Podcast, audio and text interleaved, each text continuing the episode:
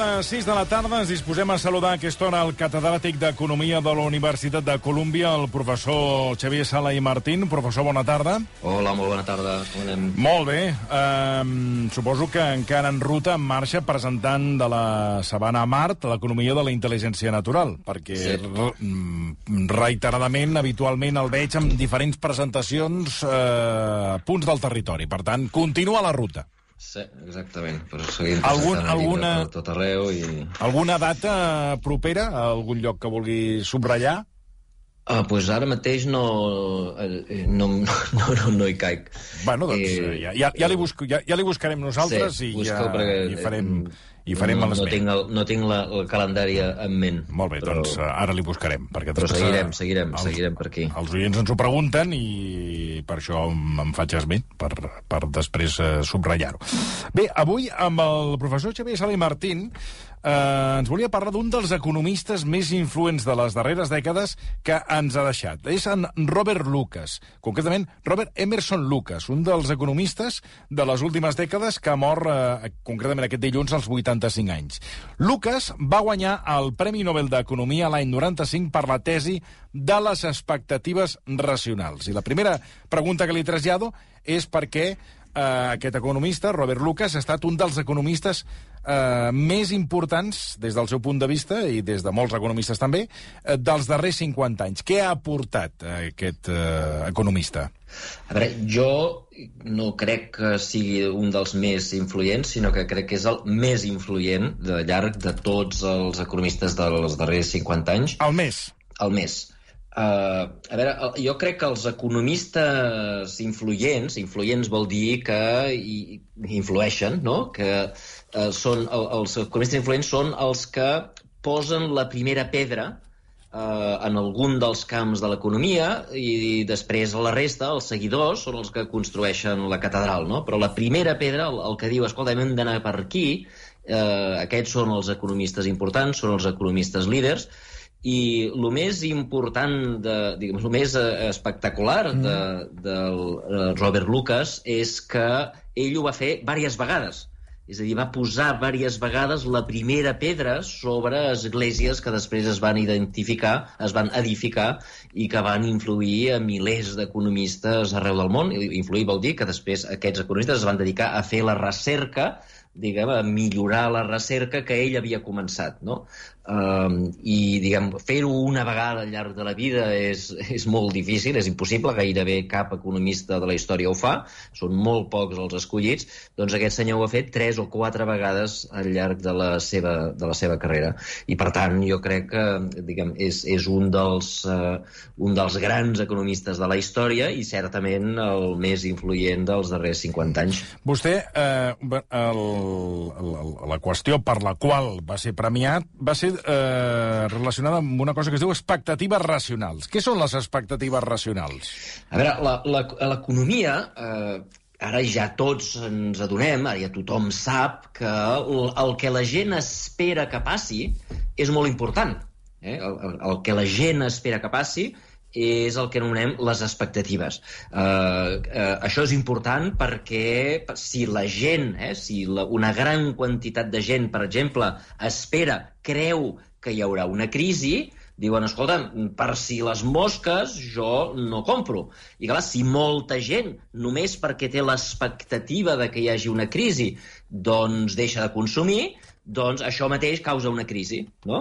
Si la gent deixa de comprar, les empreses no venen, les empreses han de començar a acomiadar gent i això causa una crisi. Les expectatives són molt importants per l'economia. Si les empreses pensen que hi haurà una crisi, deixen d'invertir, deixen de comprar maquinària, les empreses que fa fan maquinària s'ensorren eh, i això causa una crisi. Eh, això de que les expectatives són importants ho sabem tots, i, i de fet jo, jo us recordaria episodis còmics que vam veure durant la crisi, no sé si recordeu al principi de la crisi del 2008, eh, que tothom veia que hi havia una crisi, que jo en aquest programa mateix, aquí parlant amb el senyor Marcelí, parlàvem de la tormenta perfecta i parlàvem del Titanic que s'estava ensorrant, i en canvi els ministres anaven dient, anaven, anaven tocant sí. el violí com si estiguessin a la sí, coberta sí. del Titanic, Uh, I no és que els ministres fossin idiotes, el que passa és que ells intentaven manipular les expectatives. Els, els ministres diuen, no, no, no passa res, tranquils, eh, perquè si els ministres diuen que ve una crisi, llavors la gent deixa de comprar, deixa d'invertir, deixa de fer tot,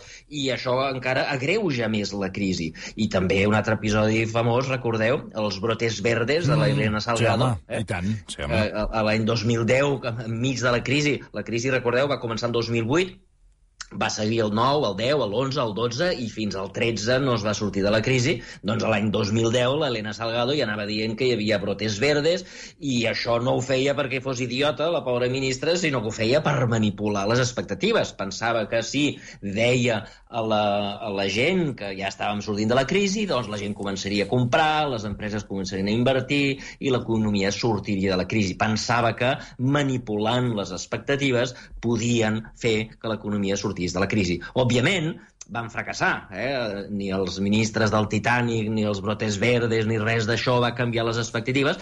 Per què? Doncs perquè, com va explicar Robert Lucas, la gent no és idiota. Mhm. Eh? Expectatives racionals vol dir que la gent llegeix el diari, la gent s'informa, la gent veu les coses i per més que el ministre li digui eh, sortiu tots a comprar que no passa res, la gent no s'ho menja. La gent forma les seves expectatives de manera racional. És a dir, que la gent, de la mateixa manera que quan compra pa en lloc de comprar mantega o quan compra mantega en lloc de comprar, comprar pa, ho fa pensant no, què és el millor per mi, ho fan de manera racional, el que va postular Lucas és que les expectatives, que fins aquell moment era una cosa que els economistes passaven per alt i deien, bueno, la gent més o menys, si ve, veuen que l'any passat l'economia va créixer un 2%, doncs ells esperaran que aquest any torni a passar exactament el mateix. Eh?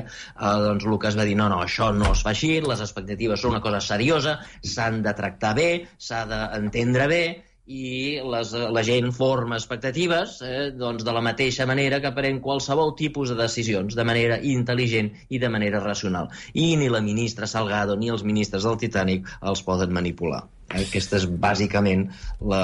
Expectatives la, la... racionals. Exactament. Eh, Robert Lucas va ser també un dels pares de la teoria del creixement endogen. Això ja no sé si és més complicat d'entendre, professor.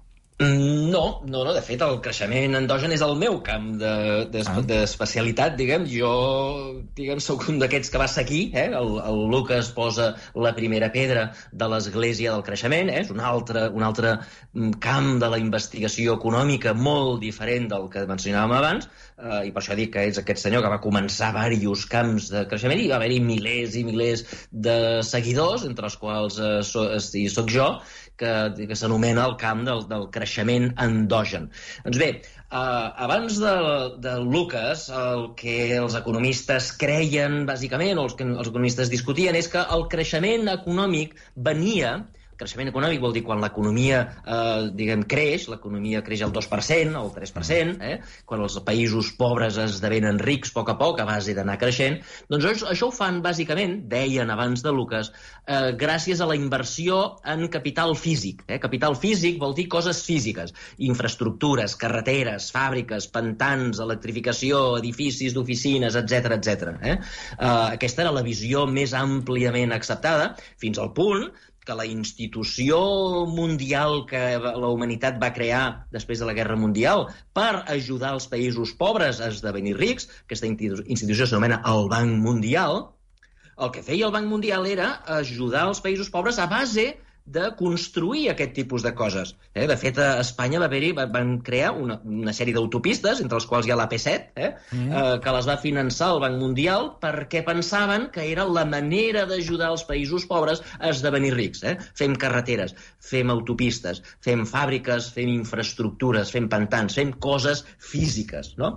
Doncs bé, enmig de tot això, De tot això va aparèixer, uh, va aparèixer el Lucas i va dir, oh, cuidado, que d'aquesta manera, fent coses físiques, l'economia no pot créixer molt de temps, eh? Perquè si tu et dediques a fer autopistes, doncs potser la primera autopista que fas és, jo què sé, Barcelona-Sabadell, i, i aleshores això permet a les fàbriques de Sabadell portar els productes a Barcelona per exportar-los a la resta del món des del port, però clar, després has de fer una altra autopista que ja no connecta dos centres econòmics importants i per tant ja no genera tant de creixement, i la tercera autopista menys, i la quarta menys, i quan portes 14 autopistes, ja la, la, la 14a ja no connecta ja dos no centres. creixes neuràlgics i, per tant, ja no creixes tant. Eh? Això és una cosa que s'anomena rendiments decreixents i, per tant, si tu vas invertint en infraestructures, infraestructures, infraestructures, hi ha un moment que ja no creixes més.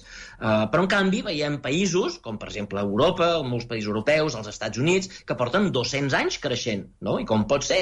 Com pot ser? I quin és el motor d'aquest creixement si no són les infraestructures i no són les coses físiques?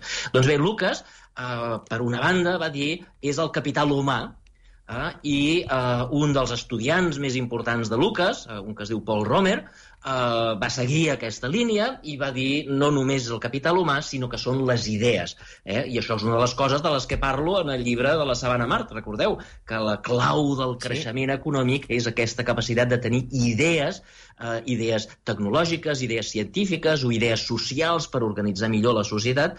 Eh, doncs el, el creixement endogen són el grup de gent que diuen que la clau eh, són aquests altres tipus de coses. Eh? L'educació, capital humà, i les idees, que són també fruits de l'educació i del capital humà, perquè les idees surten dels cervells humans, eh, i que, per tant, per més autopistes que vagis a fer a l'Àfrica, eh, si tu ara vols que Àfrica deixi de ser pobra i comencin a créixer, la solució no és anar a fer autopistes, no és anar a fer pantans o, o plantes d'electrificació. La, la solució és, doncs, per una banda, eh, eh, augmentar o millorar els nivells educatius. Molts nens africans, molts nens i sobretot nenes africanes no van a l'escola a partir de certa edat. Si van a l'escola, doncs eh, reben una educació horrible perquè els mestres no en saben, perquè els mestres no es presenten a classe, perquè no tenen llibres, perquè no tenen ordinadors, etc eh, etc. I per altra banda, eh, per una banda, capital humà, educació, i per altra banda, has de crear un entorn en la qual la gent innovadora, la gent que té capacitat per implementar idees, doncs ho pugui fer, eh, que no sigui que només en, en aquest país, eh, a Ghana o, o, o, o, o a República Dominicana o, o a Mongòlia, diguem, en aquest país no només guanyin calés els que són amics del govern, Uh, sinó que pugui guanyar calés qualsevol persona que té una bona idea uh, a través de l'emprenedoria, a través d'implementar aquesta idea i vendre el seu producte. Uh, és així com creixerà el país, eh? gràcies a aquests emprenedors uh, que, uh, que són capaços d'implementar les idees. Uh, doncs, bàsicament, aquesta és la teoria del creixement endogen, que, com, com he dit abans, diguem, la primera pedra Eh? No, no, tota l'Església no la va fer Lucas, eh? han vingut milers i milers d'investigadors que s'han dedicat a investigar diferents aspectes, però la primera pedra, la primera pedra la va posar el, el Bob Lucas a, a l'any 88. Eh, hi, hi ha un fet curiós, és que, per exemple, hi ha països pobres que tenen fama de tenir una educació de prestigi, com és el cas de, de Cuba, Uh, en canvi, n'hi ha que també tenen una educació molt, molt rígida, també en països en dictadura, com és la Xina. No sé uh, que, que uh, crea, o almenys és una potència mundial i que, i que genera grans coses, no? No sé uh, on trobaríem aquí la diferència d'aquests dos països. A veure, eh, Uh, això de que, de que Cuba té un gran sistema educatiu és una, també és una mica de propaganda, eh? Ja. Uh, bueno, sap que sempre s'ha dit, eh? Gran sí. sanitat, grans metges, grans... És la fama que tenen. Exacte. Sí. Tenen fama, tenen fama, però, diguem, si tu ensenyes coses que després eh, no serveixen per eh, guanyar-te la vida, eh, doncs, eh, doncs no sabés de res l'educació. Eh? Per tant, jo primera qüestionaria si és veritat que a Cuba el sistema educatiu és tan bo, Uh, però en qualsevol cas uh, ja acabo d'explicar que l'educació no és només no és l'únic factor important Uh, per exemple, jo recordo uh, la primera vegada que vaig anar a Polònia, que va sí. ser l'any 79, que és l'any, a banda de l'any de Basilea, és l'any de solidaritat, no? més o menys, sí. uh, que, que començava, diguem, l'economia a, diguem, a sortir del socialisme, i per tant podíem entrar als estrangers a mirar què estava passant. Uh, jo recordo que el guia turístic que vaig tenir era un enginyer nuclear, i de què collons fot un enginyer nuclear eh, fent de guia turístic? Doncs resulta que en aquella economia es guanyaven molts més calés fent de, de guies turístic que no pas treballant d'enginyers i per tant els enginyers amb tots els seus estudis i tota la seva educació no els servia per res eh, perquè al final del dia els calés els guanyaven fent de turistes. Per tant, um, uh, no és només la quantitat d'educació que tu has de donar als estudiants, uh, sinó la capacitat de que aquesta educació sigui productiva, sigui útil. Si tu els hi ensenyes coses que després no serveixen de res, òbviament l'educació no serveix per res. Um, I, per tant, s'han de, de... Recordeu, abans he parlat de l'entorn, eh? s'ha de crear un entorn econòmic en el qual la gent pugui eh, diguem, eh, treure rèdit de la seva inversió. La seva inversió en educació, eh? jo estudio molt eh, per ser enginyer, però clar, eh, després ha d'haver-hi un sistema econòmic que permeti que jo pugui recuperar la inversió, és a dir, que pugui guanyar eh, salaris eh, més o menys decents eh, fent el que he estudiat. I molt sovint, el, una de les coses que fracassen és aquesta, eh, diguem, això diria, jo diria que ara mateix és un dels grans problemes que té l'economia espanyola per no anar més lluny, que els xavalets, el, el problema eh, diguem, del fracàs escolar eh, no és que els nens deixen d'estudiar, que és un problema. El problema del fracàs escolar són els nens que no deixen d'estudiar, que acaben tots els seus estudis i que quan acaben doncs, s'enfronten a, a taxes d'atur del 50% i els que tenen sort i troben feina troben salaris ridículament petits, ja, ja siguin metges eh, treballant 14 hores al dia a canvi de 1.000 euros al mes, o ja siguin enginyers, o ja sigui eh, diguem, el que sigui, diguem, això és un fracàs monumental perquè no s'ha creat l'entorn on la gent pugui recuperar la inversió en el capital humà i això també és un dels factors, un dels temes que, que, que investiguen o que tracten aquesta gent de l'economia del, del, del creixement endogen. Ara que li feia, que esmentava a Xina, eh, hi ha un estudi de Bloomberg Economics, que no sé quina credibilitat li dona vostè, basada en les dades del Fons Monetari Internacional, durant els, eh, que diu que durant els pròxims cinc anys l'economia xinesa creixerà el doble que la dels Estats Units. Uh, en aquesta mateixa línia, el Fòrum Econòmic Mundial i la consultoria Price Waterhouse Coopers també pronostiquen que el gegant asiàtic passarà per davant dels Estats Units en algun moment de la propera dècada a partir del 2030. Vostè sempre ens diu que no té cap bola de vidre, que no és futuròleg, eh, per saber què passarà al futur, però eh, el que ens comentava és que no veu tan clar aquests pronòstics, aquests vaticinis de, tant de Bloomberg Economics, basant-se en el Fons Monetari Internacional, com la de Price Waterhouse Coopers. Per què? A veure, tu mateix, la, la, la resposta està a la pregunta, no? Eh, fixa't que el que has dit són pronòstics. Sí, eh? Tot sí, això, sí. eh, diguem, surten a les notícies com si ja fos veritat. Estan parlant de que eh, l'economia xinesa creixerà tant que a partir de l'any 2030 eh, o 2035 o la propera dècada o tal, doncs, eh, doncs seran, eh, passaran per sobre el seu PIB total, eh, tot el que produiran valdrà més que tot el que produeixen els Estats Units. Eh, tot això no són notícies, eh, són projeccions. Ah, exacte. No és el que ha passat, és el que diuen aquests senyors que passarà.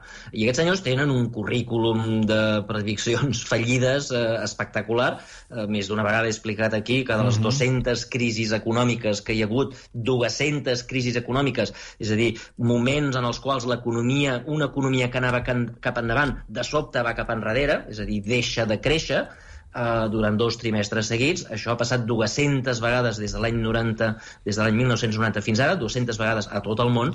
Doncs aquests 200 episodis, el Fons Monetari Internacional, aquest que dius que, que, utilitza, que dona sí, sí. les dades, eh, doncs aquests 200 episodis, el Fons Monetari n'ha predit exactament zero. O sigui, no n'hem sabut ni una. Eh? Per tant, compta en fer eh, prediccions, i això són prediccions als propers sis mesos, eh, que no l'han sapega. Imagina't ara fer prediccions a 5 anys, a 10 anys, eh, diguem, eh, això és una, una, una, una, una tonteria, no? Eh, segona cosa, eh, jo m'agradaria que tothom ens fixéssim què vol dir que el, la renda total, és que el, el producte interior brut total de la Xina sigui igual que el producte eh, interior brut dels Estats Units. Eh? Producte interior brut, per entendre'ns, és la quantitat de, de, de diners que ingressen els ciutadans un cop venen tot el que produeixen. Eh? Tot, tot el que es genera a la Xina serà igual que tot el que es genera als Estats Units. Eh? Mm -hmm. uh, a veure, la població de la Xina són 1.400 milions de persones. Sí. La població dels Estats Units és 334, és a dir, que hi ha 4 xinos per cada americà. Uh -huh. 4 vegades més. Uh -huh. El fet de que uh, la renda de tots els xinos sigui igual a la renda de tots els americans, eh? la renda vol dir els salaris, la suma de tots els salaris, tots els beneficis, els, els interessos, tot, tot, tot, tot el que guanyen tots els xinos sigui igual a tot el que guanyen tots els americans, eh? vol dir que el xino és una quarta, diguem, és, és quatre vegades més pobre, o que l'americà és quatre vegades més ric, perquè si n'hi han un, quatre vegades més xinos que americans eh, i tots, entre tots guanyen el mateix, vol dir que cada xino guanya una quarta part. Estem d'acord? Sí, sí, sí, sí. Cada xino guanya una quarta part. Per tant, que l'economia xinesa sigui eh, igual de gran que els Estats Units vol dir que la renda per càpita és una quarta part, és a dir, que els xinos segueixen sent molt pobres comparat amb els Estats Units molt pobres, una quarta part. És a dir, que encara li queda, que perquè el, el xino típic guanyi els mateixos calés que l'americà típic, els hi falten molts i molts i molts i molts anys. Eh? Per tant, compte amb, amb equiparar les comparar dues economies que són, eh, diguem, de, de, de mides tan, tan, tan diferents, perquè un té quatre vegades més població que l'altre. Um, I i l'altra cosa que volia dir és que totes aquestes projeccions, fixeu-vos el que has dit, heu dit, en el passat, en els últims 4 o 5 anys, sí. Eh, la Xina ha crescut tres vegades més o no sé quant més que els Estats Units, bla, bla, bla, bla, i això ho projecten com que ha passat en el passat, doncs això seguirà passant en el futur. Compte, compte, compte perquè l'economia xinesa té problemes greus que indiquen que algunes de les coses que han fet fins ara les hauran de deixar de fer. Una d'elles les hem explicat abans, els rendiments decreixents. Eh? Uh, és a dir, ara hi ha un omplert al país de vies de tren, d'autopistes i tal i qual. Seguir fent el mateix no els hi donarà el mateix rendiment que fins ara. Quan no hi havia un, una autopista i de sobte poses una autopista entre Xangai i Beijing, que és com fer-ho entre Barcelona i Sabadell, aleshores tu pots començar a, a, a, a, a diguem, a, a tenir una producció molt elevada perquè uneixes dos centres productius molt, molt, molt grans, oi que sí? Uh, ara bé, uh, fas la segona autopista, la tercera autopista, ara ja estan fent autopistes a l'Himalaya. Clar, les autopistes de l'Himalaya no donaran el mateix rendiment que tenen. Per tant, el que ha passat fins ara no necessàriament pot seguir passant. Segona, uh, no sé si recordeu, als anys 70 van seguir una política que, que era una mica cruel, que era la política de fill únic. Uh -huh. És a dir, que es, es prohibia a les famílies tenir un segon fill. Eh? Uh, és a dir, que totes les famílies que volien tenir fills només en podien tenir un. Un. Uh, I això dic que va ser cruel perquè ha donat llocs a infanticidis femenins, és a dir, si tu mires la piràmide de població xinesa i compares els nens i les nenes, veus que falten més o menys 200 milions de nenes. 200 milions de nenes. Uh, I on han anat a parar aquestes nenes? Normalment el que ha passat és, és que les van avortar abans de néixer o que les van assassinar de petites, és a dir, es va crear un problema humanitari greu, però que en qualsevol cas tota aquesta piràmide poblacional ara el que passarà el que passarà és que la població xinesa està enormement envellida perquè no hi ha nens. Hi ha molts avis i pocs nens. Molts avis i pocs nens. Uh, tots aquests avis s'hauran de mantenir uh, i gent jove capaç de treballar, diguem, el, el, diguem, n'hi ha poqueta. Uh, I, per tant, aquí es trobaran un problema que s'han trobat altres països.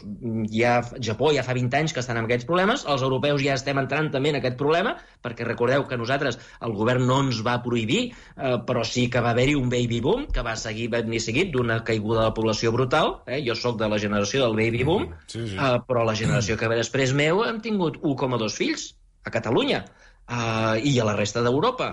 I, per tant, aquí ens passarà una mica el mateix. Eh? Um, I tercera, tercer problema que tenen, uh, han viscut en gran mesura d'una bombolla immobiliària similar a l'espanyola abans de la crisi. Uh, els bancs estan plens de forats importants, la bombolla immobiliària s'ha acabat i està per veure com, uh, com uh, els xinesos arreglaran aquest problema. Uh, quarta, uh, hi ha un problema geopolític important fins ara tothom confiava doncs, que la cadena mundial de producció, amb aquests vaixells que van d'un lloc a l'altre plens de containers i tal i qual, eh, funcionava perfectament, però arran de les baralles que està havent entre la Xina, Rússia, Estats Units, etc etc, el món s'està desglobalitzant.